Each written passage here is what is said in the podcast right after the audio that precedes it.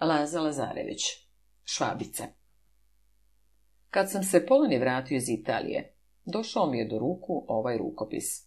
Čitao sam ga pod utiscima koji su name ostavili Pompeji. Kad sam izišao iz Pompeja, preveo sam pesmu. Sve sujeta večer skaja, jelika ne pribivaju po smjerti. Čudnovato da mi se ta pesma vrzla po pameti i posle ovog rukopisa. Još je čudnije što moj saputnik u Italiji, moj prijatelj i redaktor, kad sam mu pročitao ovaj krnjav rukopis, ponudi mi u otkup album Pompeja. Ja sam pristao na trampu, smejući se rđavoj dosadki o moljcima i lavi. Žensko društvo prijetno. Njena majka, brat je poručnik, manu Popesku, kalkulator u ministarstvu građevina, jedan nemački student, Max po imenu.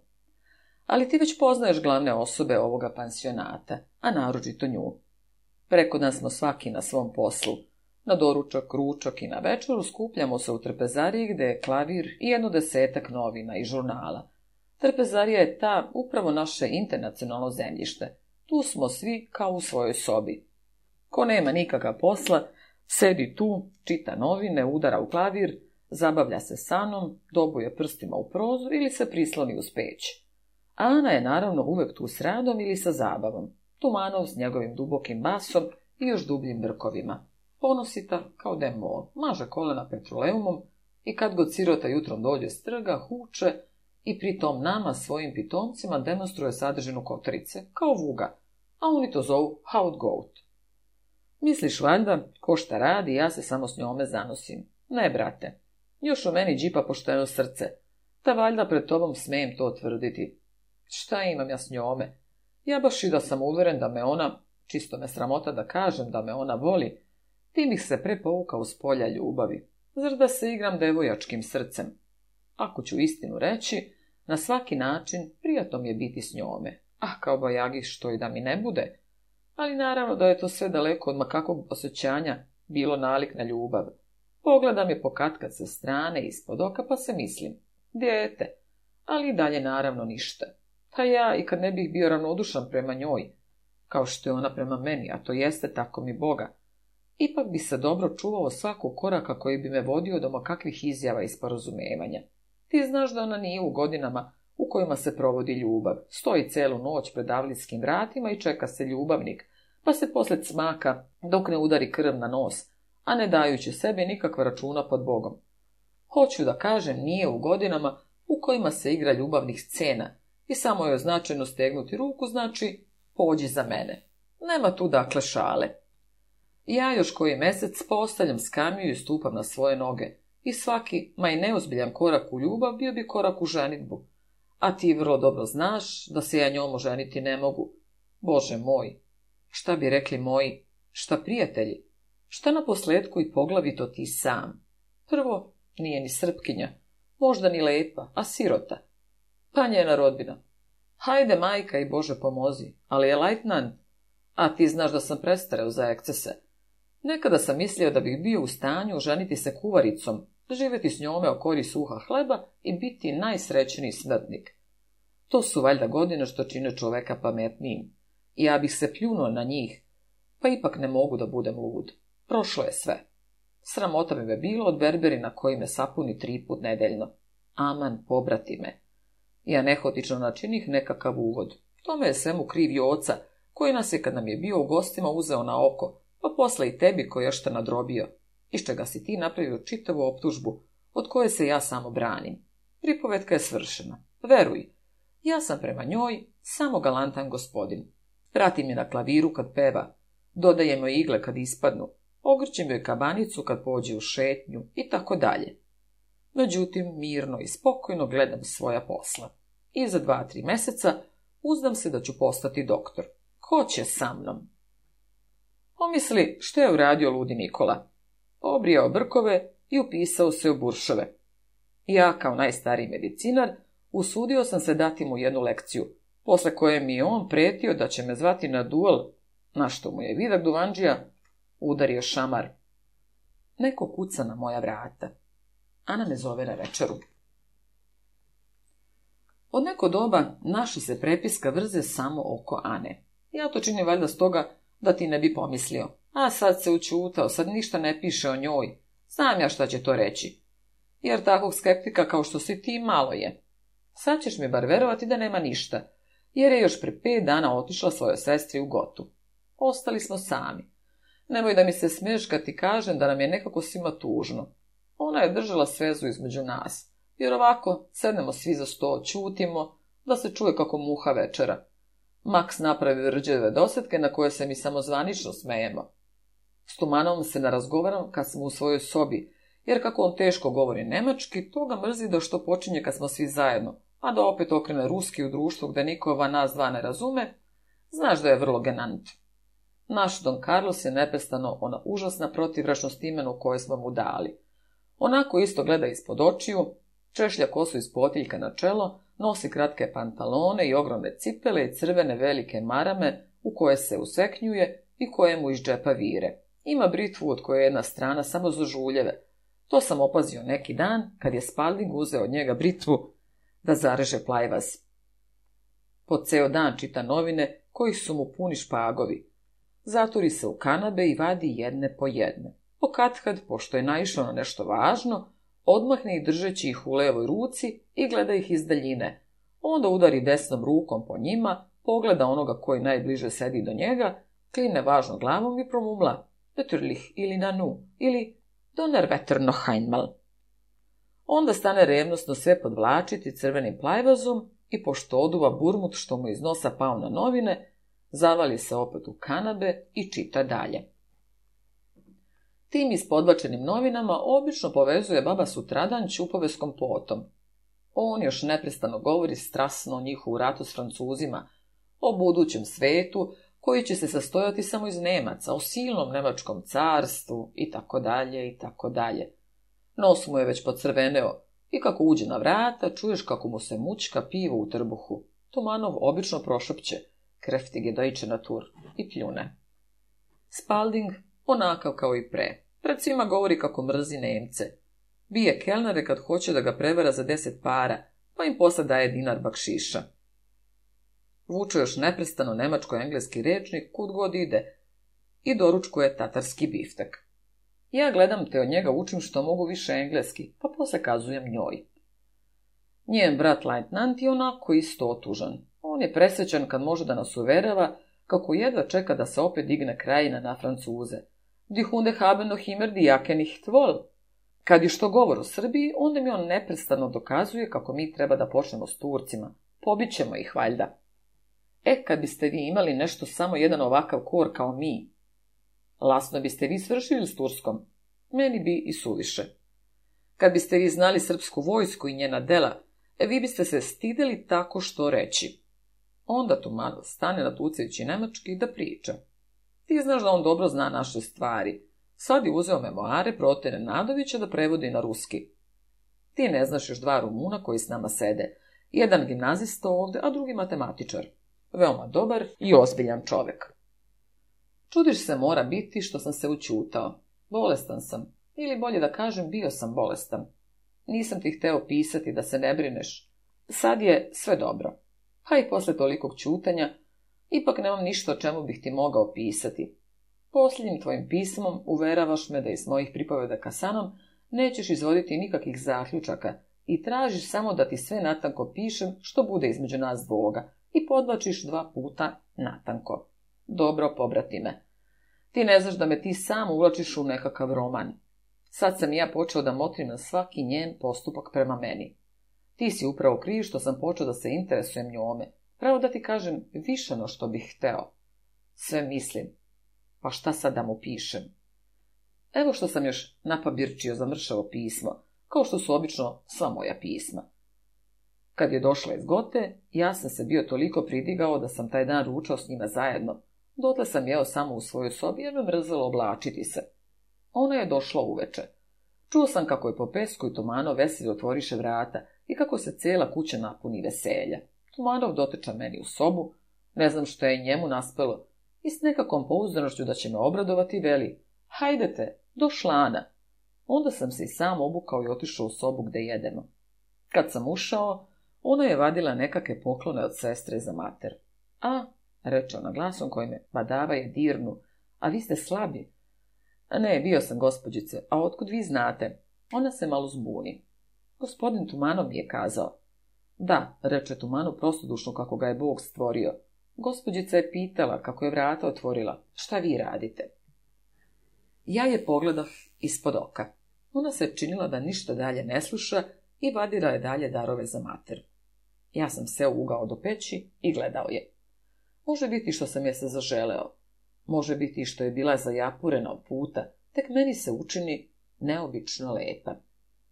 Nisam ništa dalje govorio. Kad baba iziđe da gleda večeru, a pesku dokupi duvana, smo samo ja i ona. Tumanov čita novine i svaki čas pita, kakav za to po ruski? Ona došla i sela do mene kod peći. Ali vi ste sad sasvim zdravi, zapita me nekako plašljivo. Na putu da budem sasvim zdrav. Ali ste tako bledi. Nisam jeo ništa već osam dana. Bogu hvala samo kad je sve prošlo. Vi se ne čuvate, ja sam to znala i vi ste lep doktor. I poče veselo da se smeje. Ja ne smijem ništa učiniti protiv vaših naredaba, a vi ne date sebi ništa primetiti, neću vas ni ja, boga mi oca, slušati. Vi, ne, vi ste uvek bili dobro dete, nećete valjda sad da poigravate vaš glas, naročito u mojim očima, molim vas. I ja počeo da se smejem, htevši pokazati da ja i ne mislim prisvajati sebi toliko interesa s njene strane. Nije mi ništa odgovorila. Pogledao sam je ispod oka. Nije me gledala. Meni se učini kao da sam joj stavio nekako pitanje na koje nije odgovorila i kao da mi je vrlo stalo do njenog odgovora. Ovaki slučaj mene samo draže. Sve me kopka neki đavo da vidim da li ona u stvari mari zame ko što me vi svi uveravate. Tog večera posle večere igrali smo dame. Ona je igrala vrlo dobro. Dobi prvu partiju i pogleda me oštro. Ja sam razumeo da to znači, zašto vi ne igrate ozbiljno? Drugu partiju ja sam se usiljavao da dobijem, pa valjda stoga i previdim njen kolut koji sam morao pojesti. Kad sam već sam mogao micati, ugled da ona ima damu. Turim je na krajno polje i pokrijem još jednim kamenom, kao što se to čini s damom. Vi opet imate damu, rekoh joj.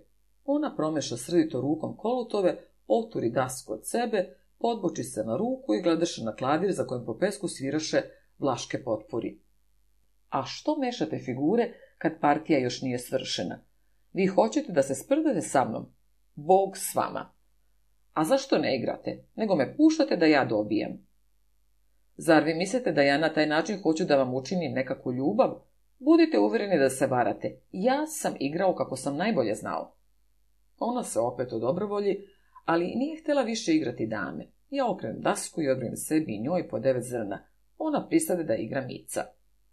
Opet me je tukla, ali sam na njenu licu video da je ona sad uverena da ja igram kako najbolje znam i da je ne puštam hotimično da dobije. Posle tri partije opet pomeša zrna i oturi tablu, ali ne srdito. Smejala se. Ne, vi ne znate da igrate, morate kod mene učiti. Svaka lekcija od vas bit će mi draga. Ja udaram glasom na vas. Dobro, onda je prvo, nemojte da laskate. Hoćete to je da kažete, nemojte ni oca da laskate kao što ni do sad niste laskali. Ona lako pocrvene. Baba međutim donese meda i oraha pa opet iziđe. Po pesku beše ogasio sveće na klaviru i na napamet. Meni se učini lepše nego ikad u vertiru telavu. Ona je međutim uzela nekakav ručni rad. Ja lupa orahe i davah joj. Ona ih zamakaše u med. Po pesku ne jesti. On poče opet u aufordnicum tance.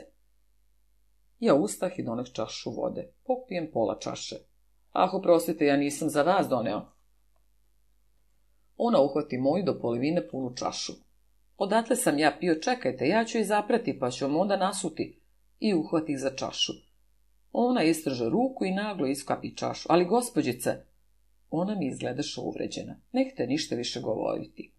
Čutali smo oboje. Po pesku dovrši sviranje, zaklopi klavir i diže se. Laku noć. Laku noć, reko smo mi. Kad dosta smo sami, ja se podbočih na ruku i gledah joj u oči, koje su bile upravljene na radu rukama joj. Opazila je da je gledam. Nije ni za jedan trenut dizala oči u srada. Gospođice, ovo je prst moj bolesnik. Njega je bila oparila ključalom vodom. Ja sam joj, pošto je prstu u mazao rastorom srebrnog nitrata. Ja imam pravo da ga u svako doba prihvatim i da vidim kako mu je. Molim ovamo ruku.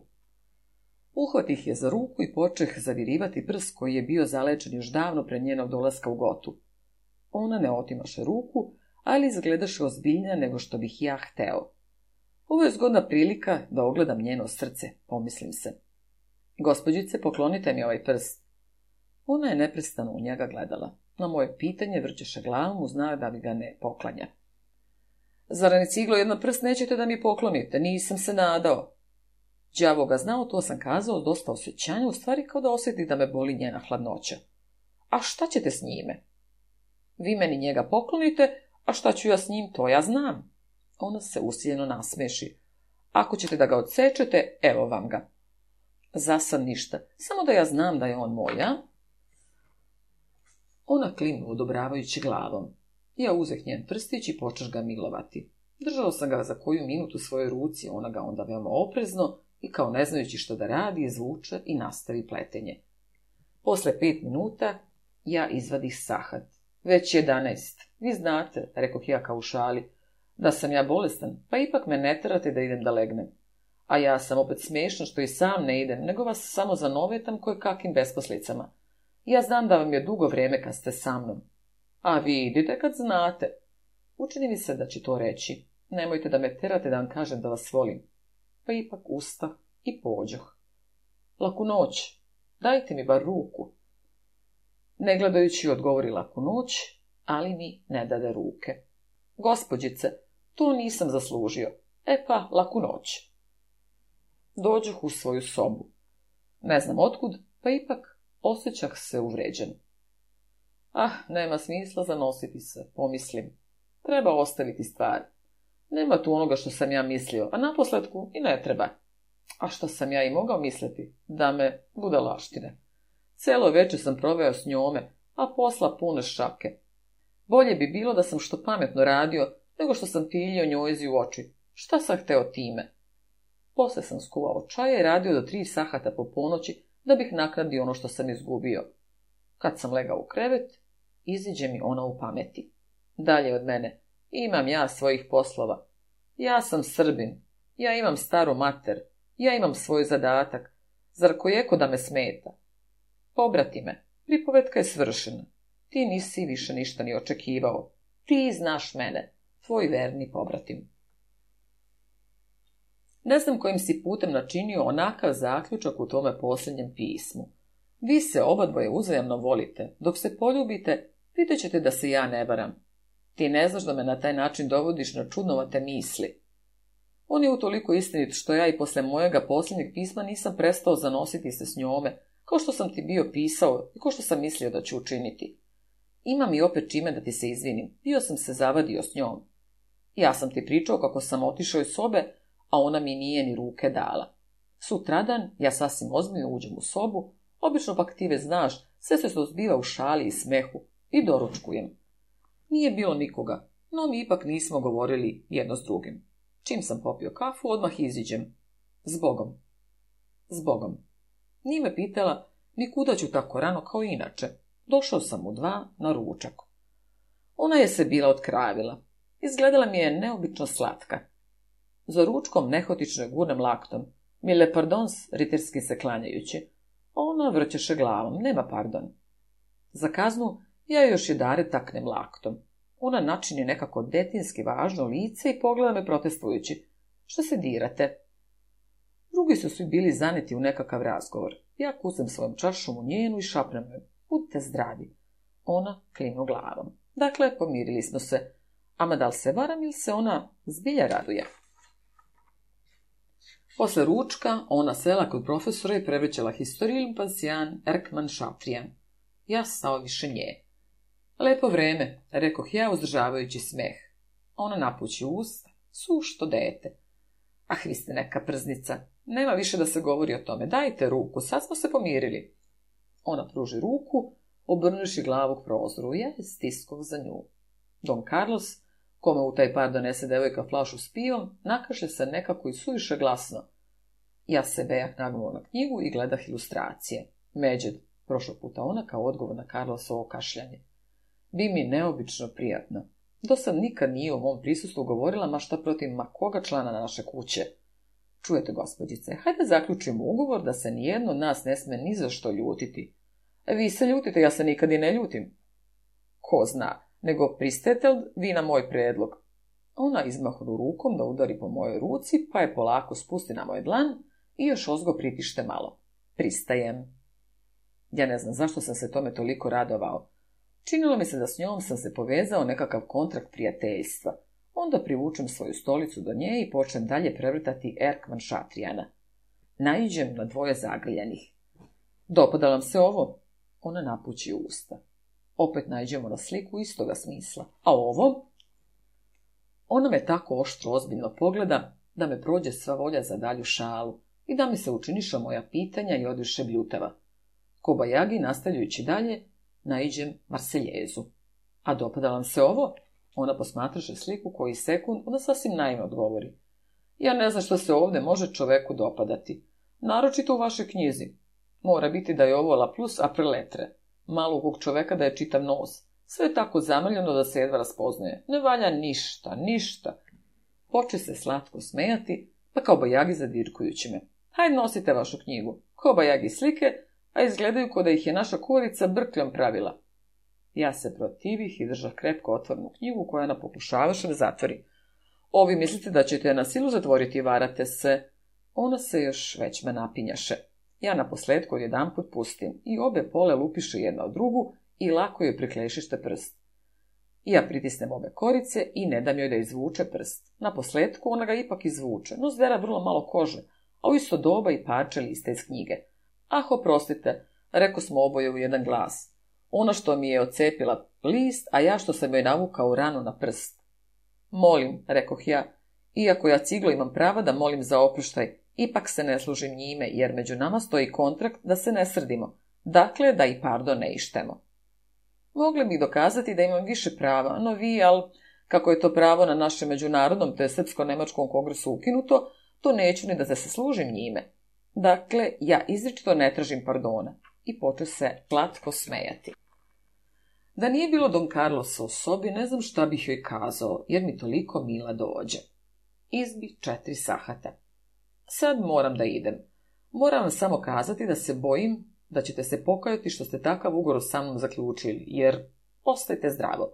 Sad ćete mi valjda dati ruku, jer ako mi je ne date, ostaje mi ni ta uteha da se srdim. Onda mi pruži ruku i smeše se. Ah, pobrati me, znaš li kakav je ručica? O to doba bilo je stotinu takvih sinturija. Ja ti ih ne pričam, našto. Razime da smo nas dvoje prijatelji. O, šta mi ona koja šta nije pričala. Ja sam u svima tim razgovorima nalazio nova i nova svojstva koja su me toliko privlačila da ne znam jesam li dovoljno iskren kad ti kažem da se nisam zaljubio. Nu, na što sve to? Igra, luda igra. Ja sve manje radim i sve se više zanosim njome. Pošlo je sve, budi Bog s nama. No još nisam toliko zagazio da se ne mogu povući, a s druge strane, krajnje je vreme da se okanem posla za koji nisam. I to ću učiniti, tako ne bio tvoj pobratim. Počinjao sam ti duše mi do sad 20 pisama i sva poderao. Već su dva mjeseca od moga posljednjeg pisma. Ti si pisao, molio, zapomagao. Ja ti ipak nisam ništa odgovorio. tim me je bilo naposledku. Ja bi se ogrešio svoju iskrenost kad ti ne bih sve pričao. A pričat ću ti opet sve. Tako mi je teško. Tako teško. Ja sam slabiji i niži od crva.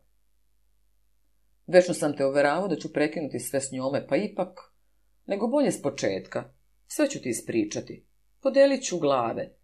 ću svakoj moto. Razviću svu svoju muzu. Tim će biti smešnije. A ti se, molim te, smej. Smej se onako od srca, kako bih se ja od srca zaplakao. Da me nije sramota i da ne moram mesto plaća pregnuti na delo poštena čoveka. Rekog da ću početi gdje sam stao. Od neko doba ona radi svaku noć od 12 i duže, jer sprema poklone za Božić. Ti znaš da u njih na Božić svi daruju. Ja obično donesem knjigu pa sedem s njome, jer se moja soba ne može dobro da ugreje. Bilo je prije jednu nedelju dana. Po noći se bilo približilo i vampiri su čekali da se minutna skazaljka na sahvatu pomakne za jedan čeperak, da da digne poklopce s njihovih kovčega. Bledog meseca nije bilo. Šteta. Uostalom, ti možeš cijelu scenu zamisliti spram mesečine. Sve je spavalo. Samo sam ja s njome u sobi. Ona je radila. Ja sam gledao u knjigu i mislio na nju. Na jednom prozoru belo se spušten roleu, na drugom nije bilo zavese. Ja, da bih počeo razgovor, dignem se. Da spustim i na drugom prozoru zavesu, a? Govorili smo vrlo tiho, ne znam zašto. Pa ipak mi se učini da sam i suviše glasno govorio. Ona klinu glavom. Ja dođu do prozora i gledah je sa strane. Bože! Ona je to opazila. Baci jedan po dva put pogled na me, ništa ne govoreći. Ja naslovnih glavu na prozor. S prsta debeo led pokrivao je okna njegova, a na njima se čudnovato zaigravaše svetlost lampe sa ulice, nižući se u besmislene dugulja sa izvezasne slike, saobražavajući se osovini ledenih kristala. Dugo sam gledao ovu, kao što vidiš ludu, prljavo u sliku koja se svaki čas menješe, kad se suh veta na ulici zaigra plamenov lampe. Mislio sam nešto, ne znam ni sam šta. A u svaku misao je nehotice upletao nju. Pade mi kako je ta svetlost tu i prozor da je propusti. Trebalo je dakle samo kraviti led i zrak će pasti na tavanicu naše sobe. Kao što vidiš, genijalna misao. Ona je sedala za stolom i vezla nekakav jastuk. Na ulici zatutneše požarnička kola. Bakle prosluša još jaču svetlost na zaleđene prozore. Zvono udari nekoliko puta. Tuten se izgubi u daljini i nanovo sve bi tiho. Vatra, reče ona. Vatra, odgovorih ja. Nanovo učute smo. Ja čuh kako u pobočnoj sobi tumanov duboko diše, onda kako ona zabada iglom u jastuk i kako se vonica tare otula glajs. Sedoh na stolicu do nje i tako približim glavu njenom vezu da nije mogla više iglom probadati. Ona spusti vezu krilo i nasloni se na ruku. Ja je uzazat u ruku i spustih je na sto. Milovah je. Posla legoh na nju i zatvorih oči. Ona nije ništa govorila, nije se opirala. Osvetih da sav gorim i da ona teško diše. Pribrah se. Nesrećniče, šta radiš? Skočim naglo sa stolice i turim ruke u špagove. Valjalo je početi ma kakav indiferentan razgovor. Ja izvadim duvan kesu. Izvolite na poklon, rekog nekako promuklo i pokušao da se smejem. Ne, reče ona. Ne častim me i opet bocnu. Zar poklon od mene nećete da primite? Ona očuta. Ja počeo da jurišam. Poklon od mene, gospođice. Takav, reče nekako zbunjeno, uzimajući na novo vez. Kakav god vi hoćete, a kakav vi hoćete? Opet je čutala. Ja sam gotovo šaputao. Kažite, kakav hoćete? Ništa ne odgovori. Gospođice, znači da biste vi ipak kakav drugi poklon htjeli od mene. Vi nećete samo moju duvan kesu. Kažite, dakle. Ja sedoh opet do nje i primakuh joj se još bliže. Ne, reče ona. Nećete da kažete. Ne, vi morate kazati. Nikad. Ali ja znam šta je. Vi ne možete nikad znati šta je. Parol da norur? Vi mislite da ja ne znam? Ona pocrvene sva. Ostavite se. Meni se učini da me nestade. Ona je probadala iglom bez ikakva reda. Da je uhvatim za ruku, da je poljubim hiljadu puta, pa da umrem. Tala strasti sve mi jače dizaše grudi. Ja se naguh njojzi. U isti par sinu mi kao munja kroz glavu. Švabica, sirota moja mati Srbija. Skočim, ne uzdajući se u svoj glas, bez bogom ostaj, Odem u svoju sobu. Bilo je već jedan po ponoći. Čuh kako je ona ode u svoju sobu i oprezno zatvori vrata. Tu noć nisam ništa mislio. Bar ne znam da sam šta mislio, pa ipak nisam zaspao do tri sahata. Ona hoće srce. To mi je neprestano izlazilo pred oči. Sutradan bila je ozbiljnija nego obično. Ja sam se oprezno klonio svakog diferentnog razgovora. Toga dana bila se očešljala kako ja volim, a to je prosto razdeljena kosa nasred glave, a ostrak pokupljena u klupče. Tako i moje sestre češljuju svoju decu. Može biti stoga lepo stoji što mi u ovim godinama u kojima je ipak izgleda kao dete. Toga dana činila je sve što sam je molio. Pevala mi je pesme koje inače za Boga neće da peva, jer idu do G, a njoj je glas čist samo do Ace, pa ipak nije glas nigde izneverio. Uveče je pozovem u šetnju. Sneg je bio napadao za jednu sudlanicu i škripio je pod nogama. Svi izlozi u dućanima osvjetljeni i prepuni svakojakih božićnih darova. Ljudi prolaze puni šaka. Kola u takoj gomili da jedva mile. Pred Hillerovom poslastičarnicom stoji jedna rulja i gleda svakojake figure od šećera. Pred Spillerovom restauracijom transparent i na njemu stoji Eisban bei Brillanter Belechtung, entre separe i guraju se dece i ljudi s kliskama. Pored nas svaki čas protečavaju deca s onim čagrtaljkama u rukama i ljudima od hartije, koji, kad ih povuče za konac, šire ruke i noge i klimaju glavom. Oni ljudi s novinama u kovčezima koji im vise o vratu izvijahu njima svojstvenim glasom. Montags Zeitung, Aben Post, Figa, Figa, Figaro. Jedan prosjek, koji iđeše na kolenima pruži nama ruku. Ona izvadi pet groša i spusti mu nju. Pred kućom za koncert, iako je bilo već četvrt posle sedam, ustaviše se jedna gospodska kola.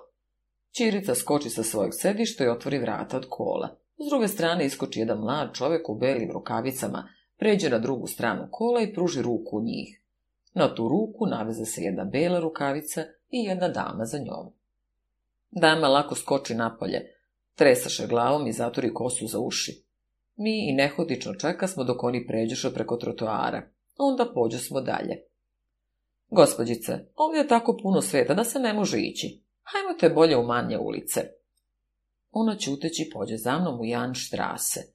Ja opet udarih levo preko brigadir bruke i mi staja smo pred ogromnim parkom u kome vladaše puna noć, jer samo glavni prolazi vehu osvetljeni. Ja pođuh još dalje, ne govoreći joj ništa, već smo bili nekoliko koraka u šumi. Noge nam upadahu do više članaka u naugažen snijeg. Ogromni hrastovi u se s one strane s koje je vetar duvao kad je snijeg padao, te ga je nanosio na njih. Vreme je bilo suho. Toga dana bilo je na termometru minus deset stepeni. Meni nije bilo hladno i bilo mi je vrlo prijatno. Posle pet minuta bili smo dosta duboko u šumi. Oko nas bilo je tako tiho. Tutanj varuški bio se sasvim izgubio. Nigde nikoga nije bilo. Nismo ništa govorili. Ja sam mislio na nju i ispredao svakojake snove. Zamislih sebi moje Valjevo i nju u njemu. I svet koji priča o nama kad prođemo ulicom. Gledaj ga, zavrtila mu pamet švabica. I moja mati crvenih očiju, koja svoje sobstvene snahe ne razume, i deca mojih sestara i braće, koja se libi doći meni otkako sam doveo nju u kuću, i njeno večno osjećanje usamljenosti, jer je niko ne razume, i ona nikoga ne razume. Da se oprostim s njom, da je ostavim za svagda. Ona u stade i gledaše oštro napred u pomrčinu. Da se vratimo, reče ona. Ja je pogledah. Oko glave je imala crn svilan šal bačen preko temena, krajevi ukršteni pod vratom pa zabačeni na leđe. Iz tog šala provirivaše lice kao iz nekog crnog okvira. Izgledaše mi neobično lepa. Da se vratimo, pitah ja. A što? Ona smaknu ramenima. Vi se bojite ići dalje u pustu šumu? Ona baci pogled na me. Pogled u kome je bilo nečega što ti ne umem kazati nekako pouzdanje, poverenje, sila. Taj se pogled razli preko svega mene. Učini mi se da sam piramida i da ona ne može da me pregleda. Zar s vama kad idem da se bojim čega? reče ona s nekakom detinskom ravnodušćošću. Ta, vi ste tako jaki. I ne treba da se bojite, rekoh ja glasom koji je trebalo da izgleda silan i pouzdan, no ispade nekako promuklo i zagušljivo. U taj par dunu vetar pojače. i jednog suharka sroza se sneg i pada na rukav njene čude. Ja izvadih maramu i počuh joj stresati snijeg. Ona gledaše sve to nekakvim ravnodušnim pogledom. Kad sam bio gotov, ona se lako pokloni. Hvala. Na malu. Opet začuta smo. Ona okrte levokrug i pođe natrag, ne govoreći ništa. Vama je hladno, rekoh ja. Ne, rđavo, ona slaže ramenima. Da, reče ona. A šta vam je? Ona opet slaže ramenima. Ja se ne usudih pitati je još šta dalje. Usput počuhio je pričati što sam mogao indiferentnije stvari, samo da ne bi došao na ono čega sam se tako bojao. Jer mi je tako milo, tako prijatno i opet tako opasno. Pričao sam joj po stoti put o Hajduk Veljku, o Rajiću, o pojedinim pesmama, Posle sam je ispitivao da li je zapamtila druge pesme koje sam joj prevodio. Odgovarala je nekako lenjo, pa ipak sve tačno. Onda sam joj pričao o Valjevu, o malenim kućicama, o volovskim kolima na kojima nema ni za groš gvožđa, u ciganima kako sviraju i pevaju i koji za deset para daju da im odvali šamar. Na posledku koje kake dosetke o banačanima. Donekle je išlo koje kako. Kad smo već ušli u varoš, nije mi više išlo za rukom, iako sam se usiljavao.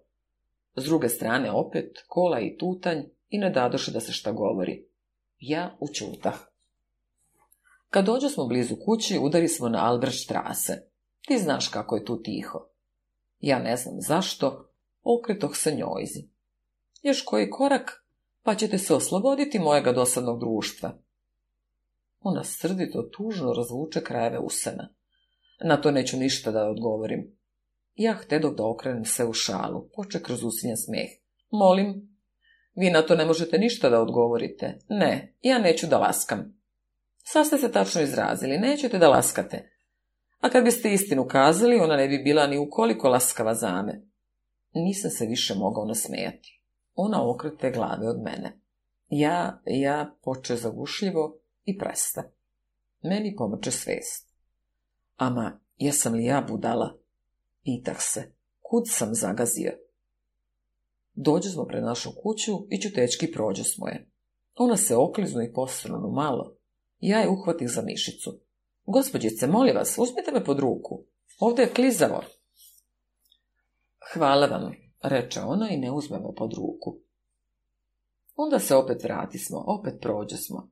Kad se po treći put vratismo, ti znaš da su ovdje po ceo dan zaključene kapije.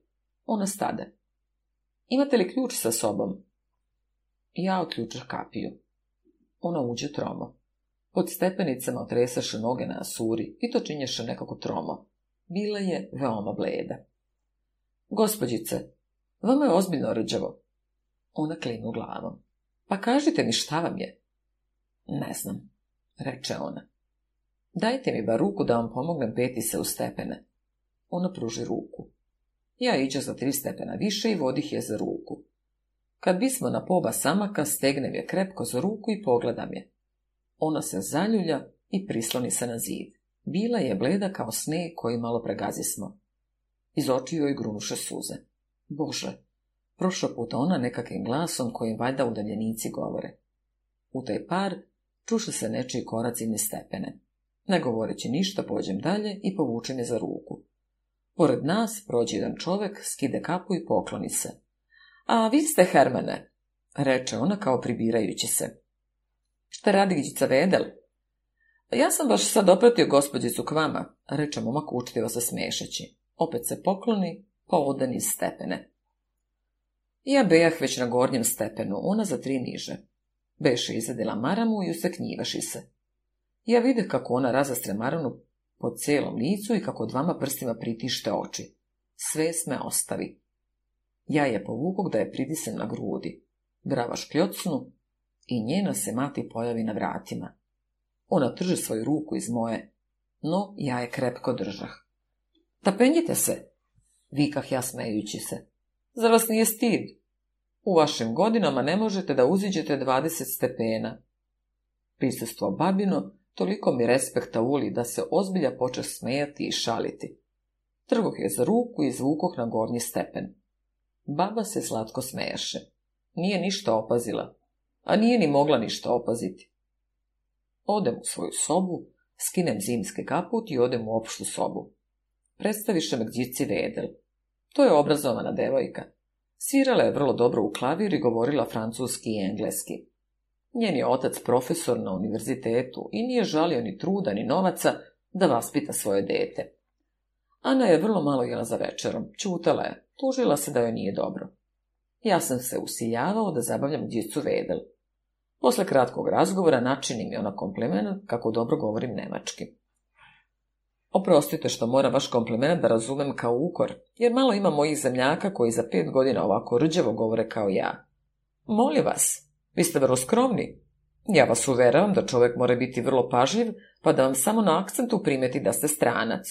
Uostalom, lako je to razumeti, jer vam je jezik vrlo srodan s našim, reče ona. Oprostite, gospođice, što vam moram protivrečiti. Srpski jezik nema apsolutno nikakva srodstva s nemačkim. Ja pogleda Hanu. Ona veše pocrvenela. Ali, Klaro, reče ona obraćajući se Dici Vedelovi, kako možeš tako što pitati? Srbi su Sloveni. Ah, tako. Molim oprostite. Izvinjavaše se gospođica. Znam, sad se svećam. Vaš je jezik srodan s mađarskim. Ana mi ne dade odgovoriti. Ona se uplate. Klaro, Klaro, reče ona usiljeno smejući se. Zar su mađari Sloveni? To je kao kad bi mi neko tvrdio da naš jezik ima srodnosti s perzijskim. Gospodjica Vedel beše crvena ko paprika. Ja se nisam ništa srdio. Ti znaš da Srbi na strani, a naročito u klasičnoj Nemačkoj, mora oguglati na ovakva pitanja. Nas su toliko puta pitali nemački studenti, klasično obrazovani, govore i latinski i grčki kao svoj rođeni jezik. Je li Srbija u maloj Aziji? Čudili se kad smo im kazali da i mi pijemo kravlje mlijeko, da mesimo hleb isto kao i oni, da imamo čak i pozorište i da smo hrišćani. Nadam se da mi nećete za zlo primiti, reče Gđica Vedel, što sam tako slaba u geografiji. U geografiji prošao putana podrugljivo. O, molim vas, rekoh ja klanjajući se. Ani bi očevidno dosadno i neprijatno. Ona se sama stidela. Da bi prekinula pauzu, a drugo, da bi svrnula pažnju na što drugo, usta i upali sveću na klaviru. Klaro, sviraj štogod. god. I je Vedel, kao da beševa prilika dobro došla. Ona odmah skoči i otpoče svirati. Ja nisam slušao. Mislio sam na naš razgovor. Onda oduh u našu zemlju. Onda uđuh u svoje Valjevo, pa u svoju kućicu. Tamo je bilo sve tako tiho i tako prijatno. Moja mati prosto obučena i starački smešeći se, ta ja sam tu uz nju. Moje sestre, moja braće, pa deca, pa moji budući bolesnici u pelengirima, s razdrljenim brutovim prsima, pa niske čiste sobice, pa mršav konjić i prosta kola. Ekipaža gospodin doktora. Pred Đukom mehanom sedeo i ovo šarkijaš s njegovim zavušljim glasom i pesmom, kraj koje se samo srbin topi. Pa pijeni oza, koji me, kad sam bio u raspustu kod kuće, sto puta uveravao da je pijen, ali tebi, gospodine, čest i poštovanje, i baci kapu u blato. Pa orah u mojoj avliji koji je posađen kad sam se ja rodio i koji već na svojoj periferiji nosi suhe grane. Pa gospodin načelnik, kome se na velike praznike mora praviti vizita i koji uvek za sobom vodi tijasava pandura pod pusatom. Pa sam koji u desnoj ruci nosi drenov štapić i njime se poštapa, levom razmahuje i odmakao je za čita od sebe, jer mu jatagan smeta. Pa Nikola Đero, koji svaki čas dolazi mojoj kući, pita, treba li što za kuću? Moja mati zna što to znači i momče odmah dotrči s polićem rakije, te ga daje čiča Nikoli. Onda uvedu Hanu u taj moj zavičaj i cela slika potamne. Ljudi me gledaše kao stranca. moje matri nesna smeha sa usana. Moji nećaci i sestrići klone se svoje tetke i ujne. Ja gledah samo u nju. I njoj beše tužno i hladno. Ne, mi ne bismo nijedno na taj način bili srećni. Gospođica Vedel beše međutim svršila sviranje. Ja joj načinih nekoliko običnih komplimenata. A ima li u vas klavira? pitaše me. Naravno da ima, rekoh ja bez ikakve volje za dalji razgovor. Opet ludo pitanje, reče ona. Svirate li vi u što, ako smem pitati? Đavo ga, znao šta mi bi? Ja odgovorih. U drombolju, gospođice. Ona se malo zbuni. Oprostite, ja ne znam što je to dr... Molim vas, kako ste kazali? Drombulja, rekoh joj. Tumanov lako prsnu smeh. To je flauta, istakla se Ana. Gospodin Maričić svira vrlo divno u flautu. Onda baci nama jedan pogled, pun molbe. Razumeh je. I ujedno se postide što sam hteo s damom da teram nekakav inat. Da bi se popravio, uzmem sasvim ozbiljno lice. Da, flauta, rekoh ja, Upravo nije flauta, ali je jako nalik. Onako kao klarinet, a zanosi se na fagotu. Vi mi je neprijatno što sam tako nespretno izleteo. I na licu gospođičinom pokaza se nešto nalik na poniženje. Vi mi krivo. Da bi ugasio njoj najmanju sumnju, da se ja samo sprdam, reknem joj. Ako dozvolite, ja ću vam svirati što? Skočim kao da idem i očepim dva put jako nogom tumanova. Ana me gledaše poplašeno. Tomano me je razumeo. vaš je instrument odneo vaš zemljak danas kad je bio. Ja sam zaborio da vam kažem. Šteta, reče gospođica Vedem sasvim uspokojena. O, niste mnogo izgubili. Međutim, kad opet uzim adem čast naći se u vašem društvu, dozvolit ćete mi da vas uverim kako sam loš svirač. Unapred sam uvjerena da ću jako uživati. Ana brzo poče nekakav drugi razgovor. Ja se međutim dignem i oprostim se. Ana iziđe za mnom. Vi ste rđav čovek, reče mi ona u hodniku. Ja joj pružih ruku koju ona uze. A vi ste dobra devojka, odgovorih joj. Laku noć. Tu noć sam pisao materi, sestrama, braći i počeo ovo pismo za tebe. Bio sam umoran, stoga sam legao u jedanaest. Kad me već hvataše san i nejasne uspaljive slike, počeše se ređati, iziđe mi ona u crnom šalu. U isti par, točak od kola, htede da mi pregazi stopalo. Ja trgam nogu i lupim glavom o krevet. San mi se razbi. Njena slika neprestano mi leđeše ispred zatvorenih očiju u svim mogućim oblicima. Ja opet hodak s njom po valjevu. I bi mi neobično tužno. Ne znam koliko je to trajalo. Brava na hodniku škljocnu i ja čuh maksove nesigurne korake i zagušen kašelj. Mora biti da je već tri, jer danas je subota, a maksima ima sednicu sa studentima njegova kora u ovoj krčmi. Opet mi se ređeše slike. Opet ona s crnim šalom oko glave. Ama samo jedan jedini poljubac, ali onda, onda bi se morao ženiti njome. Ne znam kako. Opet se nađem s njom u istoj šumi. Bilo je kao leto. Mi smo išli kroz nekake orahe i ona je kupila u kecelju one spoljašnje ljuske što otpadaju kad orah uzri. Bio je sutan. Sunce je zailazilo za Vučevo. Ona je vodila donekle najmlađe dete moje seste, koje nam je govorilo nešto nemački, ja ne znam šta. Posle je nestalo toga deteta. Nešto smo kao govorili, ničega se više ne sećam. Ja sam u levoj ruci nosio jednu čeramidu s krova mojega čardaka i na njoj je bilo maltrom napisano njeno ime. Ona je imala isti crni šal oko glave. Ja sam joj neprestano gledao u oči. Vila je lepa kao vila. Ja ne znam kad sam je naučio srpski. Ona je govorila srpski, ja sam govorio srpski. Seli smo posle na travu pod jedan orah. Ona je bila tužna. Zašto si tužna, rekoh joj. Ona metnu prstić na svoje usto, znam da ćutim. Od neku dopiraše da nas tonovi od fagote.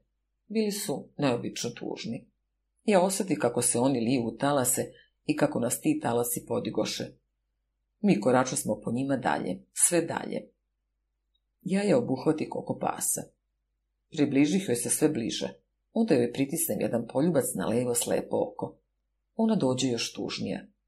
Ti ćeš me uzeti, reče ona, a suze je udarišen iz obraze. Ja je stegoh i počeš divljački ljubiti.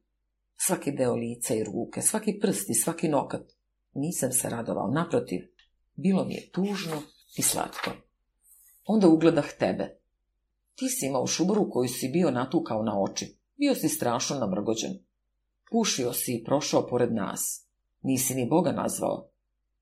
Ja razgrnuh njen crni šal i sakrijem od tebe lice u njega. Dakle, ja sam sve svršio. Ja imam ženu koja me voli. A moji? Moja mati, moj pobratim, moja zemlja.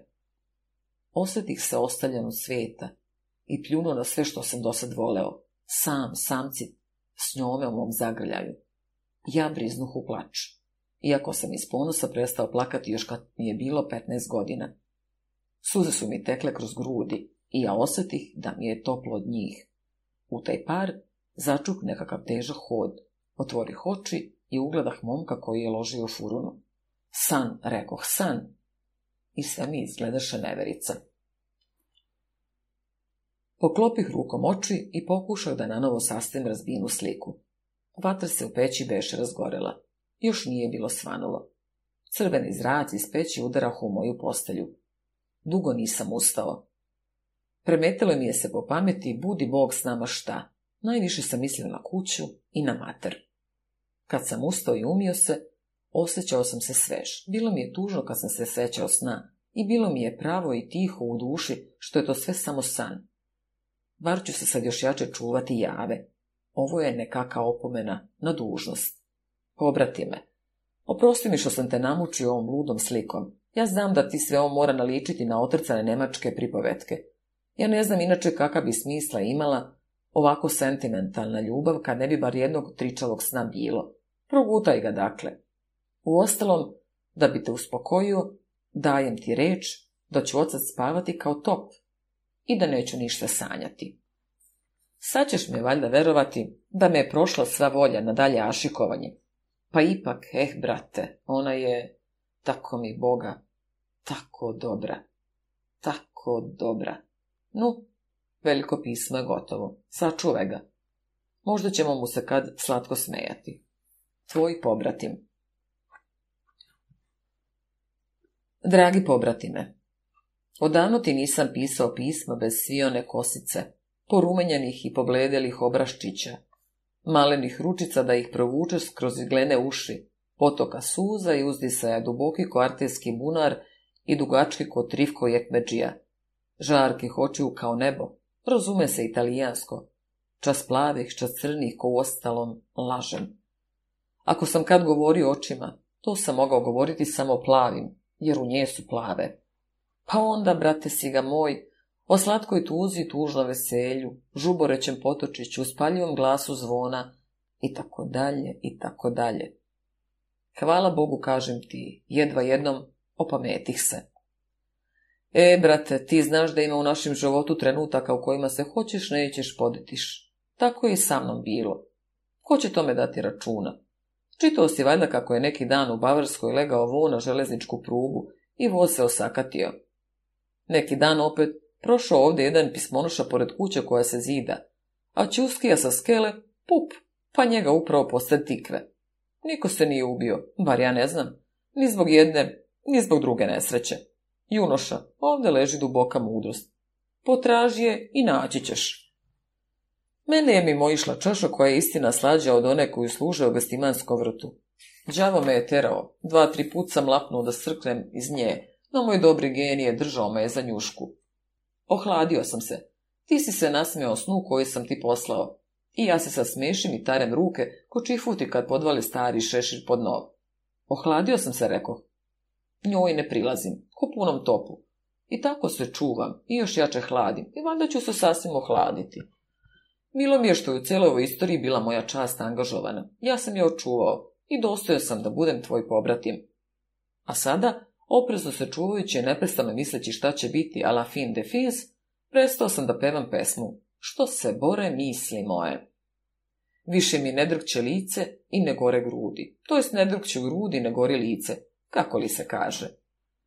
Načinio sam tablice za puls i temperaturu, tri put idem na dan njojzi u sobu, na doručak, ručak i večeru. Uvek mi je termometar pod pazuhom. Kako se vratim u svoju sobu, Pročitam toplotu na termometru i odbrojim puls, pa zabeležim. Groznica je sasvim popustila, ne boj se ništa. Počeo sam i da radim. Otvorio sam knjige koje sam pre pol godine čitao. Našao puno koje kakvih beležaka po njima i iz podbačenih redova. Čudio sam se da sam ja to sve nekad radio, jer se ničega ne mogu setiti. Stresao sam prašinu s mojih čašica, flašica, mikroskopa, lampica. Svojim žabama menjam uredno svaki dan vodu, i me zečeve hrani momak svaki dan u mom prisustvu. Raspremio sam sto, pobacao sam u pić mnogo koješta, oprao sam divit i nalio taze mastila. Pisao kući, izvinjao se koječim što sam tako neuredan i kleo se čim sam god stigao da ću oca biti uredniji. U bolnice idem uredno i opet se profesori obraćaju i nameka treba načiniti kakvu potežu dijagnozu. Opet uredno igram gimnastiku, Ispružam ruku sa 36 funata u njoj. Jučer sam pešice išao M, vratio se osam uveče i pojeo dve džulbastije. S novom kuvaricom koju smo pre dva dana dobili stojim na dobroj nozi. Sinoć sam je obećao kupiti joj nove cipele. Ona je oborila očice i pocrvenela. Uzeo sam na novo lozove za lutrije i kako dobijem, platit ću čifutinu Levenhajmu moj dug. I tako dalje. Jednom reči, Ostao sam uredan čovjek. Sto, baš, vičeš ti. Ama kako se sve to okrenu, šta se to učini? Kako? Vrlo prosto. Nije mi baš pravo da pređem na taj predmet. Ja sam rad da ga sasvim izbrišem iz pameti, ali što se mora, mora. Dakle, one noći jutra, koji li je đavo bio, ja sam se mislio i tvrdo sam odlučio da nije pošteno od mene igrati se njome, kad ne smem da mislim na željbu. Odem u sobu na doručak. Uozbiljim se i činio sam se kao da ništa nije bilo među nama. Ona kao da je i sama došla na iste misli. Kad sam ušao, bila je tužna, no čime ugleda promeni se, smejala je se. Nasula mi je kavu. Presula preko šolje. Ja sam preveo rđave dosadke i smeo se raskašno. Odmah u osam sahata odem u bolnicu. Gledao sam svakog bolesnika. Prepirao se s jednim okurari. Posle sam kupio Hermanu fiziologiju, da je učim za ispit. Došao u dva kući, otišao u tri opet na kliniku. Uvečer sedeo sam dok smo večerali.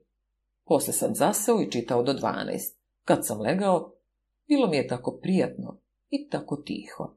Nekako osjećanje ispunjene dužnosti golicalo je prijatno moje grudi. Ah, ovako je divno, pomislim se ja. Šta me veže za nju? Nisam ničim angažovan. Dalje, dakle, o sada će braca Mika ovako da radi. Teo sam posle da ustanem iz kreveta, da se udarim desnom rukom po grudima, a levu da istružim. Onda desnom nogom da lupim od pod diksi da se naslađavam svojom nepokolebljivom odlukom. Nisam skočio iz postelje, jer mi je soba bila hladna, a posle morao bih bar na jednu nogu obući cipelu kojom bih lupio pod. Ali odluka nije ništa izgubila od svoje važnosti. I ona mi svojom ravnodušnošću neobično potpomaže. Ko zna, naposledku može biti da sam ja cijelo dosadašnje njeno ponašanje krivo razumeo. Možda sam ja njoj ama tako ravnodušan ko stare cipele. No o njoj nema više razgovora. Ona dolazi u prijatne uspomene. Ostaje zdravo. Tvoj pobratim. O njoj nema ništa. Ti se razume se ne čudiš, jer znaš da ništa i ne može biti. Ja sam sasvim uredan čovek i zadovoljan sobom. Samo sam od neko doba zlovoljan. Ne znam šta mi je. Najmanja sitnica najedi me. Da dođem ko Skorpija. Juče sam hteo da lupam Maksa. Ne znam jesam li ti pričao da sam se ja još pre mjesec dana zavadio s njime i da mu ne nazivam ni Boga. O to doba on je nekoliko puta gledao da me izazove. No, ja sam ga se klonio. Bojao sam se, klepnuću ga nezgodno, pa se neće više dignuti. Došao na ručak. Sav se ulepio flasterima po licu. Bio čova na duelu. Pokraj toga bio je napit. Meni dođe gadniji nego ikad. dok da pljunem. Tu mano me još podbadaše, neprestano šapćući. Votlj ga doslju. Ja ne znam, znaš li ti njihove duele? To je ironija na čast, na junaštvo, na razdrljene grudi pred oštnim vrhom sablje i vedro čelo pred brzim zrnom iz pištolja. Da to čine deca od deset godina, bilo bi razumljivo, Ovako je gadno. Oni zna šture na oči naočare od žice, podvežu svilenim krpama i koncima svaku jaču arteriju na vratu i licu, umotaju desnu ruku također svilom. Kroz tu svilu ne može prorezati sabljica kojom se oni duelišu. A ta je sabljica takozvani rapir, oštra samo do polovine. I oni se seku samo vrhom, i to samo po licu, da vidi svet njihovo junaštvo.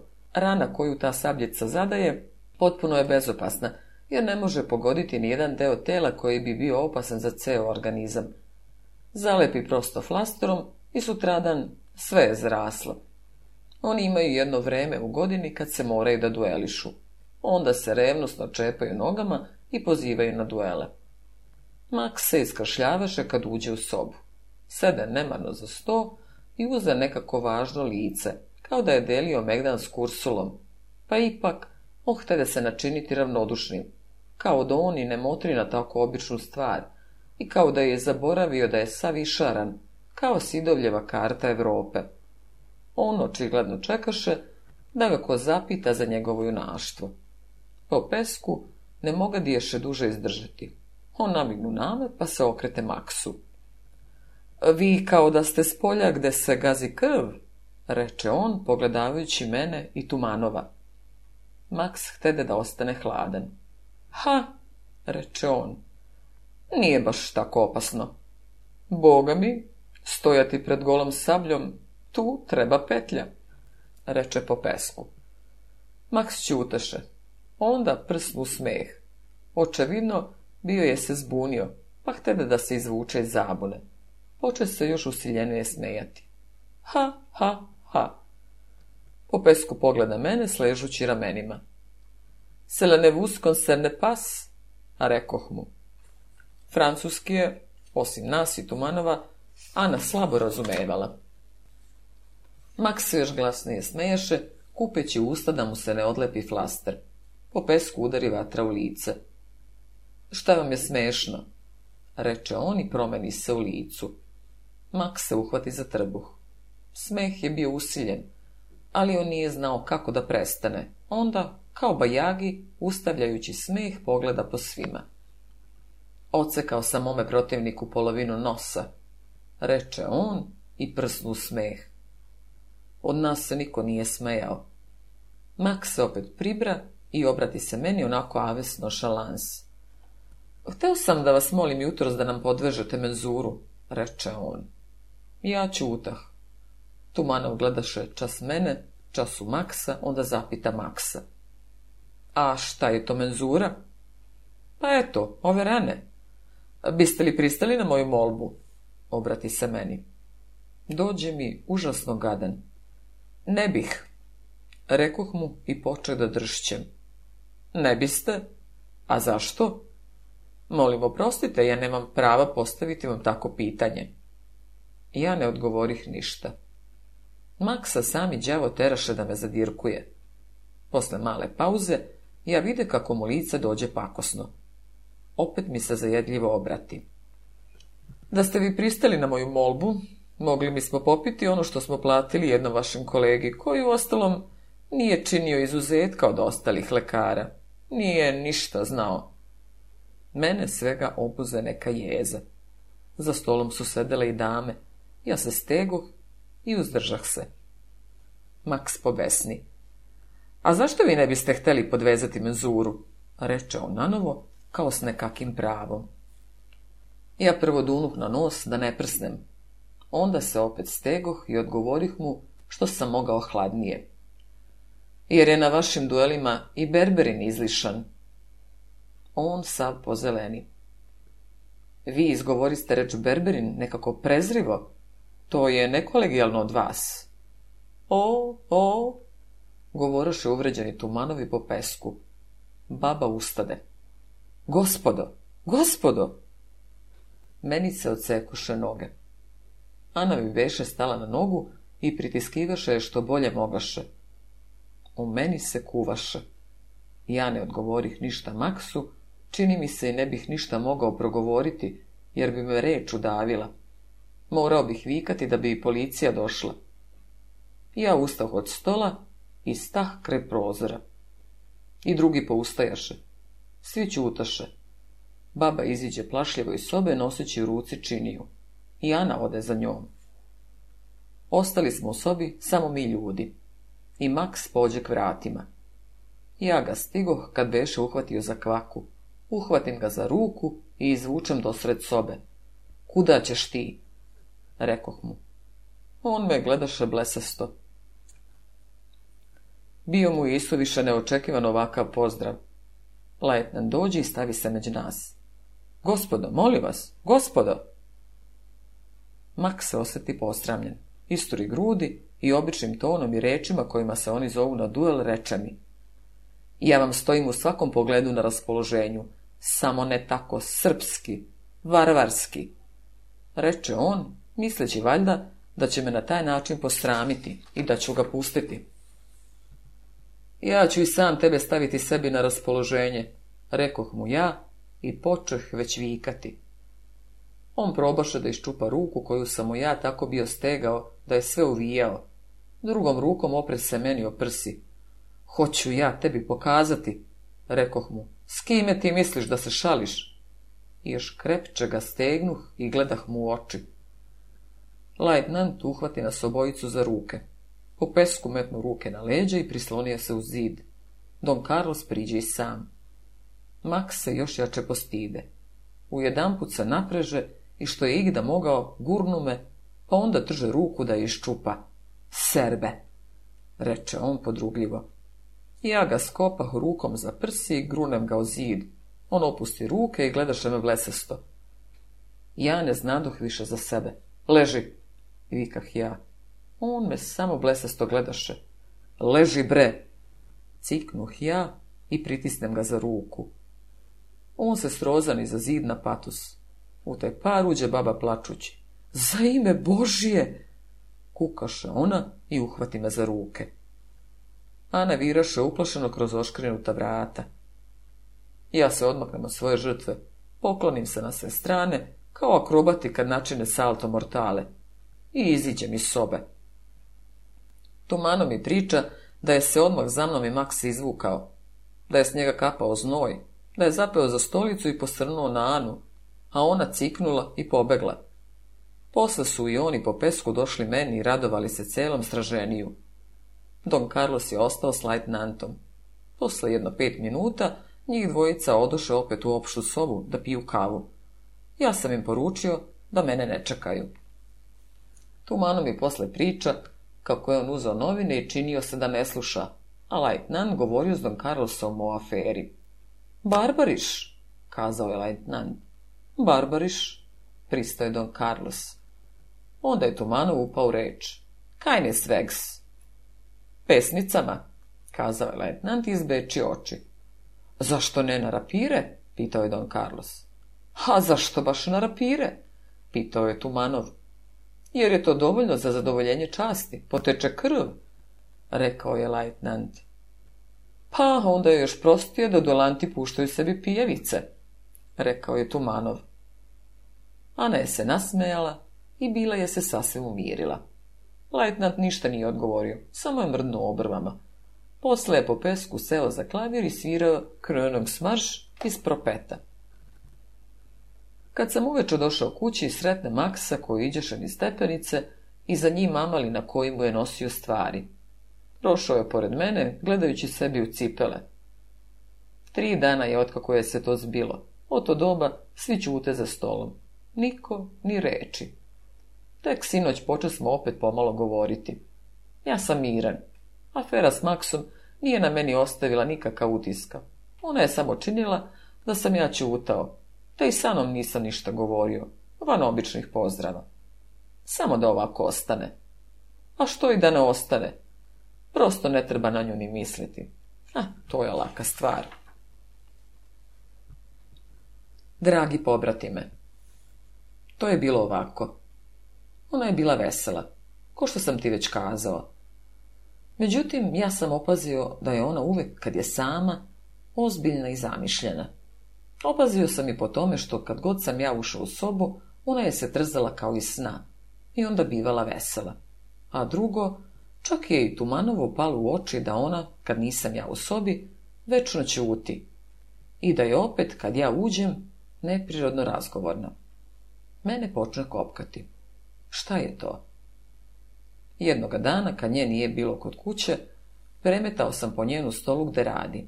Izvučem jednu fioku i na njenom dnu nađem jedno parče bele svile.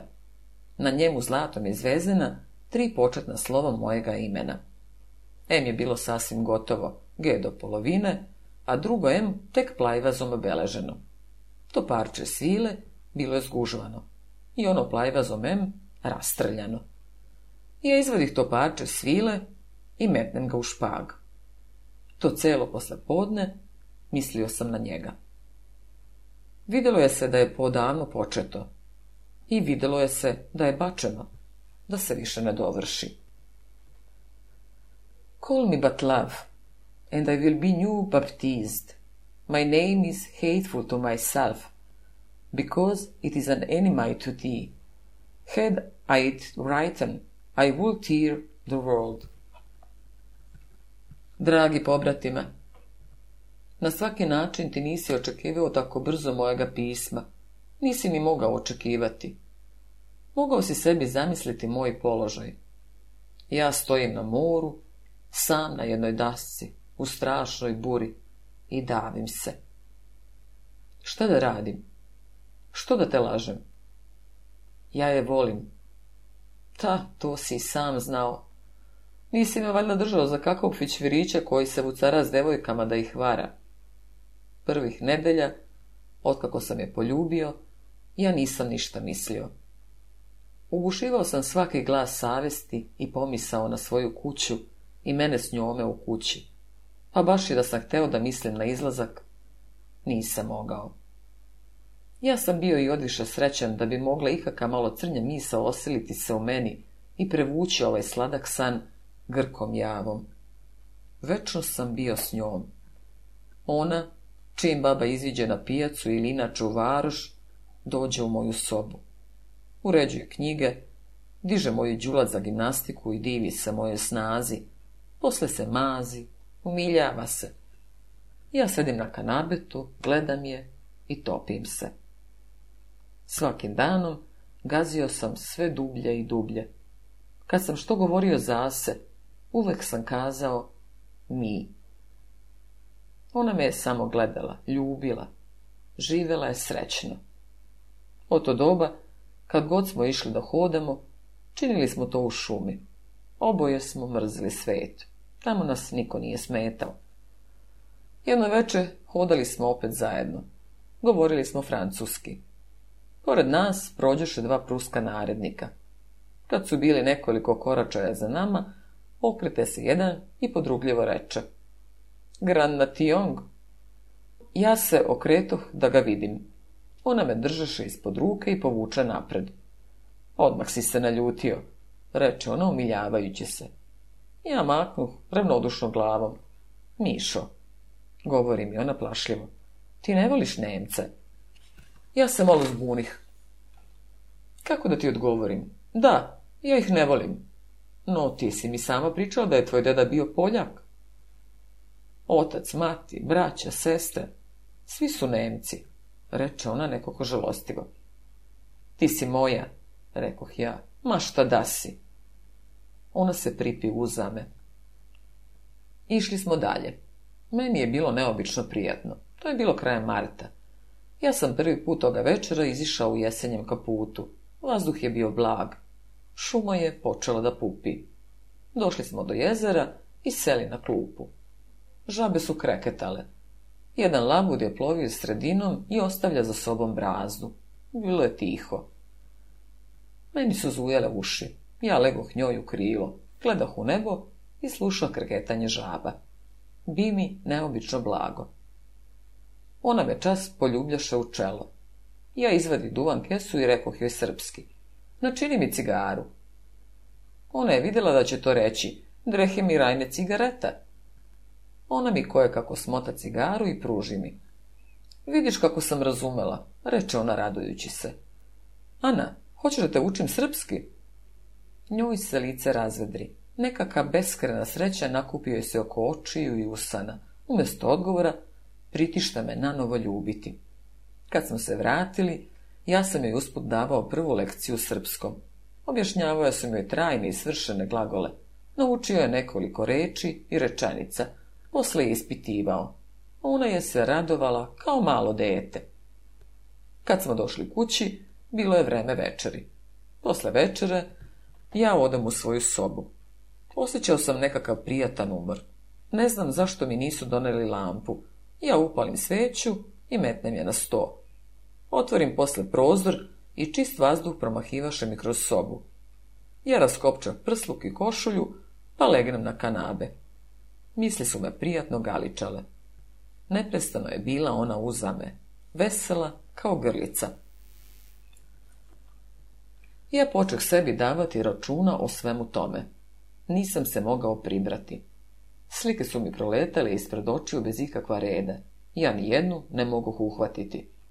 Nekoliko puta ponavljao sam u sebi reč ženitba, ali nikakva pojma nisam mogao za nju vezati. Tako sam zaspao, iako nije bilo još ni devet sahata. Nisam ništa sanjao. Nešto me je pritiskivalo na grudi i gušilo. Kad sam opet otvorio oči, bilo je duboko u noć. Sveća beše sasvim izgorela. I ona hartija kojom je na dnu umotana bila, beše se upalila i uz nejasnu svetlost dizaša se guz dim, koji dohvataše čak do gredice, jer je bilo tako tiho da ništa nije smetalo njegovu putu k nebu. Taj dime je i probudio. Ja, onako sanjiv, dohvatim čašu vode i saspem je na svećnik. Onda ustanem, te otvorim i drugi prozor, da dim iziđe. Stajao sam poduže na prozoru koji je gledao u vrt. Bio sam bunovan. U vrtu je bilo tiho. U daljini pištao je železnički voz. Mene odjedanput obuze neka tuga nerazumljiva, nejasna. Činilo mi se da se ničim ne mogu utešiti, iako nisam znao šta je to što me tako pritiskuje. Činilo mi se da ima nešto i počeo sam da se sećam. Na jedan put mi izleti njena slika pred oči. Ja se stresoh i osjeti kako mi vazduh hladi grudi. Bojao sam se, ne znam zašto, da i dalje mislim na nju. Hteo sam da upalim sveću, da se skinem i da legnem u postelju. Potražim žigice na stolu. On je sad bio mokar od vode koju sam sasuo na svećnik. Žigice su se bile ukvasile i ni jedna ne hte upaliti. Onda se setim da imam u novom kaputu kutiju s žigicama. Nađem je i paljkajući jednu po jednu potražim čitavu sveću. Usijan svećnjak bio je prsno kad sam na njega vodu sasuo. Ja uglavim sveću peskaonicu od divita i metnem je na mokar sto. Moja mi soba dođe tako tužna, da ti ne umem kazati. Naučio sam da mi uvek gori lampa. A sveća mi je opet tako štiljila, da mi se činilo da ništa ne raspoznajem u sobi. Sto je bio sam mokar. Iz njegovih krajeva kapala je voda s mrvicama od duvana i pepelom od cigara, koju sam ja otresao na svećnjak. Ja ispodi za knjige, koji se hartije na koricama beše pod klubučila od vode, put ugledam pismo na stolu. Poznao sam je da je od moje sestre. Otvorim ga. Ti znaš kako sestre pišu. Celo pismo bio sam ja. Pisala mi je kako me neprestano pominju, kako deca neprestano pitaju kad ću ja doći, kako su me se svi zaželeli i kako im se čini da već neće doživjeti taj srećni čas kad ću ja svršiti i vratiti se njima, da ih više ne ostavljam. Nešto me još teže steže u grlu. Ja zatvorih prozore i stado hodati po sobi. Onda sam opet čitao pismo i opet hodao po sobi. Učini mi se da se spremam za nekakav boj i da za njega treba hrabrosti. Počnem da se prikupljam. Skrstim ruke, gledam u divica svećom i kao da čikam nekoga, zapitam se. Pa dobro, šta je? Učini mi se da se prsi sasvim isprazniše i da slušam glas svoje savesti, kojima je pitao. Šta činiš ti od sebe? Sirota Ana. Ja se uhvatih rukom za grudi i hteduh da očupam parče svoga mesa. Pismo sestrino bacilo me tamo odakle se Ana ne vidi. Ja počeh da očajavam. Šta da radim? Ona se odriče imena, narodnost i jezika, i to sve samo mene radi. Ona tvrdo veruje da ću se oženiti njome, a ja... Bivaše mi sve najjasnije. Ja se opraštak s njome i opet je tražih i grlih je i beja gotov da je ne ostavim do smrti. Onda mi u put iziđe moja mati i sestrino pismo i onaj sasvim drugi život. Ja htedog da vičem. Šta da radim? Ne znajući ni sam što da radim, izvadim maramu i počnem brisati vlažan sto. Onda sednem za njega i podbočim se na ruku. Ideja, rekoh ja sebi čisto radostan. Da pišem sestri i bratu, da ih sondišem, da vidim što će oni otprilike reći. Napišem pismo i ne znamo više sadržaja. Znam samo da je počinjalo jednim snom. I u tom sam snu otprilike nacrtao kako sam ja zavoleo Nemicu koja nije lepa, koja je puka sirota i kojoj su već 24 godine. Pitao sam ih, kao u šali, šta bi oni radili kad bih se ja oženio njome, šta bi rekla naša mati na sve to, i tako dalje, i tako dalje. Pismo je bilo napisano pola u šali, pola u istini, ili bolje reći, tako da sam se ja u svako doba mogao povući i kazati im da je to sve šala, i da sam ih ja hteo malo poplašiti. Posle ga savijem i zapečetim, pa legnem u krevet. Ali nikako da zaspim. Preturao sam se, mučio sam se, svršao sam sa sobom. Jedanput sam kazao. Pa dobro, sutra ću joj reći da je ne mogu uzeti. Tvar je svršena. Hajde da se spava. Onda na vrata kaveza u kome je bila ta misa očvrsto zatvorena, ušunjala se druga. Ali kad bi oni nešto odgovorili, eh, na to ne treba ni misliti. Sve je bilo uzalud. Zaspati nisam mogao. Onda sam počeo da se jevim. sana mislio sam. Ta to ja moram jedan put svršiti. Badava. Ja nisam pa nisam mogao zaspati s mišlju da ću je ostaviti. A nisam imao nikakav oslonca da ispredam prijatnije snove. Posle duge muke skočim sa kreveta, dokopam pismo. — Ko zna, mislio sam se. Obučem se i iziđem u varoš. Sve je bilo tiho. Odem do prvog poštarskog kovčežića i bacim pismo u njega. Ko zna? Bože, zašto je tako slatko zalagivati se? Kad sam već strpao pismo, vratim se kući. Pored mene prođuše dva pijena čoveka.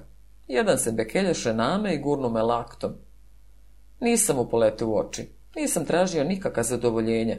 Kao što bi to da može biti radio. Ta vi me svi zovete prznicom.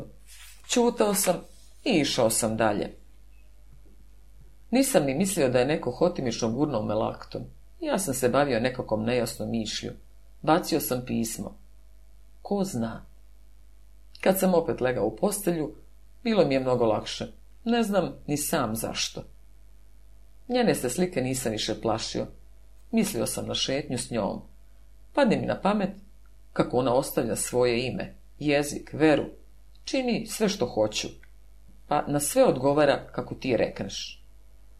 San me hvataše. Slike se izmešaše. Iziđe mi sestra i pismo. Sahat izbi četiri. Ja počeo da tonem u nekakvu dubljinu sve mi bivaše nejasnije. Može biti, ko zna. Ne gledajući na to što sam se tu noć bio smirio, bio sam od tog doba vrlo nemiran. S jedne strane, bilo mi je nepravo što sam odpravio ono pismo. Ta pa našto, mislio sam se. Ja znam najbolje kakav će odgovor dobiti. S druge opet činilo mi se. Dobro će biti. Tako sam i prema njoj posljednjih dana bivao sam je se klonio i bežao od nje. Čas opet tražio je. Čeretao s njom, hodao koje kuda. Ljubio je ko ciganka dete. Nu, našto da ti pričam to? Ti sam možeš zamisliti što radi dvoje zaljubljenih. Čas se zavadimo, posle se opet pomirimo, pa opet cmakaj se i tako dalje. Nu, tebi je već postalo otužno. Bolje da idem dalje. Bilo je to jednog večera, na jedno dve nedelje posle mojega pisma. Nikoga nije bilo kod kuće osim nas dvoga. Ja sam sedeo celo podne i čitao. Predveče ustanem, otvorim prozor i gledoh u vrt. Dole je vratar previrivao budakom crnu zemlju, koja je rasprostrila oko sebe onaj vlažni prolećni miris. On uređivaše staze po vrtu. Vreme je bilo blago. Ja mišljah, ne treba ni da ti kažem o sebi i njoj. Čudio sam se što nema pisma, i zebao sam nekako. A nisam sebi smeo dati računa o sadašnjem svom odnošaju prema njoj. Osjetih da se neko prislani uzame. Trgoh se i ugledah nju. A gle, rekoh ja veselo. Nema nikoga u kući, pa me strah. A ti sedi kod mene? Ja je uzeo za ruku. Dovedoh je do konabeta. Sedoh sam i ponudih je da sedne do mene, Ostavši joj toliko mesa, da je morala sesti pola na kanabe, a pola meni na krilo. Ona se malo ustezaše, posle sede. Ja sam je milovao i mazio. Ona plašljivo seđe meni na krilu. Nekoliko puta pokušavaše da ustane, no ja joj ne dadoh. Ona okrete glavu od mene. Mišo, šta radimo mi? Ništa rođavo dete moje. Mišo, reče nastiljivo, šta bi tvoja mati mene preseče. Čuti, rekoh joj. Mora biti da sam izgledao i suviše ozbiljen. Ona se polako diže i pod nekakim izgovorom iziđe. Ja se dignem i odem da šetam. Sad mi je sve jasno, rekoh sebi. Više je ni minut ne smem lagati. A i pismo će valjda doći. Pobrati me. Dobio sam pismo i od tebe i od kuće. Oba su podjednaka. Samo je od kuće zamotano i zavijeno, a od tebe jasno i razgovetno. I ti, dakle? Pa dobro, neću se ubiti. Ili sam ja kukavica, ili si ti pametan nisu više. Ja pristajem, nalazim da je sve razložito i pametno u tvom pismu. Ti si pravnik, ja lekar. Šta nam je stalo što će se skrhati jedno srce? Nek živi rezon. Mi smo moderni ljudi, pošteni ljudi. Ne sedimo na drumu da dočekujemo bogate putnike. Vraćamo što uzajmimo na obligaciju. Pošteni smo. Šta će vrlina? Dosta je dužnosti. Pa istina, i čime sam ja obavezan? Ljudi se i prstenuju, pa se razviđu na miru i ne ubijaju se. A posle, ja ne mogu kazati ono što se mora osjećati. Na to se tuže i velike ljudi. A ja neću da sam veliki. Hoću mira, hoću slobode, da je trošim bez računa i bez uživanja, kao masaroš koji danas zna na karte pola imanja, ne vodeći računa što će sutra doći do prosjačkog štapa. I ja sam rasipao svoje osjećanja, i zamalo pa ih više neću imati ni za tebe, ni za sebe, ni za kuću. Tvrdo sam odlučio da raskrstim s njome. To moram učiniti, kako ti reče, radi sebe, Radi nje, radi tebe, radi kuće. Pa dobro, dakle. Nemoj misliti da nemam za to kuraži, bože moj. To će biti dobro delo. Oh, kad bi znala moja mati na kako se veliko delo spremam. Ona bi se molila Bogu da mi da snage. A šta je istina njojzi učinila sirotana? A šta sam kao bajagi opet ja učinio Ani? I šta ću joj to uraditi? Čega se kao plašim? Ja vidim i ti vidiš da ja neću biti s njom srećan. Pa, čist račun. Našto što natezati? našto što svoje rođeno srce? Svi razlozi su za jedan lakomislan kraj srca protiv. Dole sa srcem. Ali, molim te, promisli samo. Što mene veže za nju? Zar ima momka na svijetu koji nije provodio ljubav iz koje izlazi samo luk i voda? Pa, i ja sam samo običan čovjek. I ja sam kusno od te slasti koje nekažnjeno pevaju pesnici sviju vremena i naroda. Pa zar samo ja da uletim u taj strašni obruč neproračunjene ženitbe? i ja. Idem odmah njojzi. Kazat ću joj... Znam već šta ću joj kazati. Već si po poštanskom žigu poznao da sam ostavio mesto moga, moje, mojih kako da kažem, moje patnje. Sve je svršeno. Ja sam slobodan. Slobodan kao ptica koje je zapaljeno gnezdo i podavljeni ptičići. Lanci su skinuti, ali ruke su mi uzete. Ne mogu redom. I ne znam kako je sve bilo.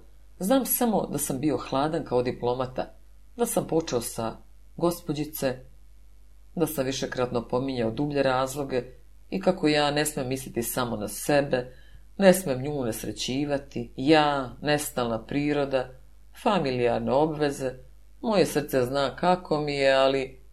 i tako dalje.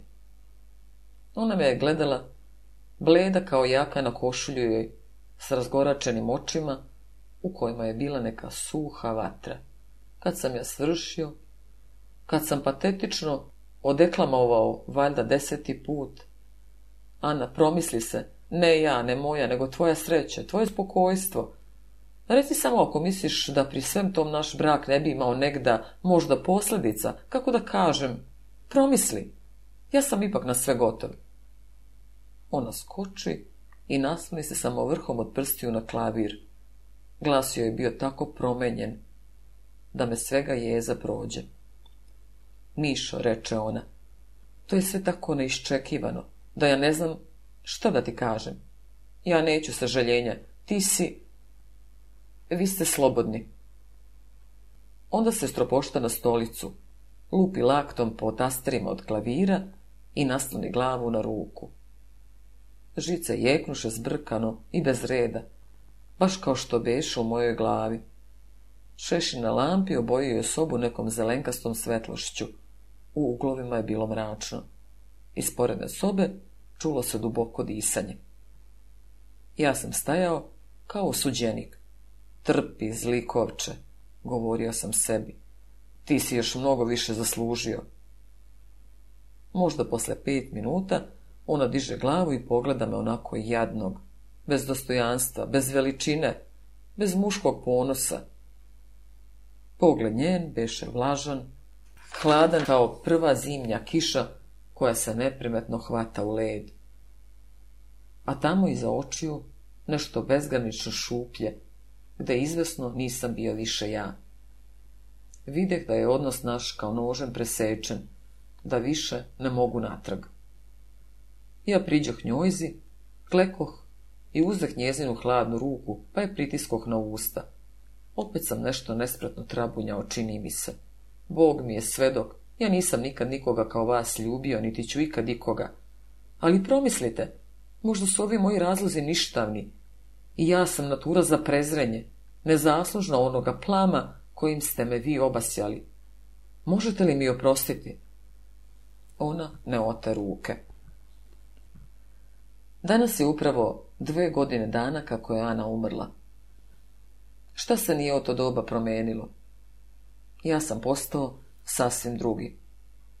Pobrati me. Pusti me da se isplačem. Posljednji put.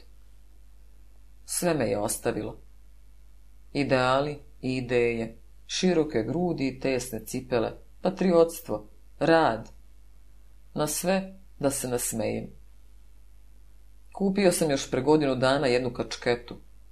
Ona je tako umašćena da ni ukoliko ne zaostaje od jake pute. Knjige mi leže još neprestano u istom kovčegu u kome sam ih doneo kad sam došao ovamo. Samo sam izvedio onu s receptima i nosim ja neprestano u džepu. Hemikalije leže bez ikakve upotrebe, samo što moj sestić pokatkad pretura.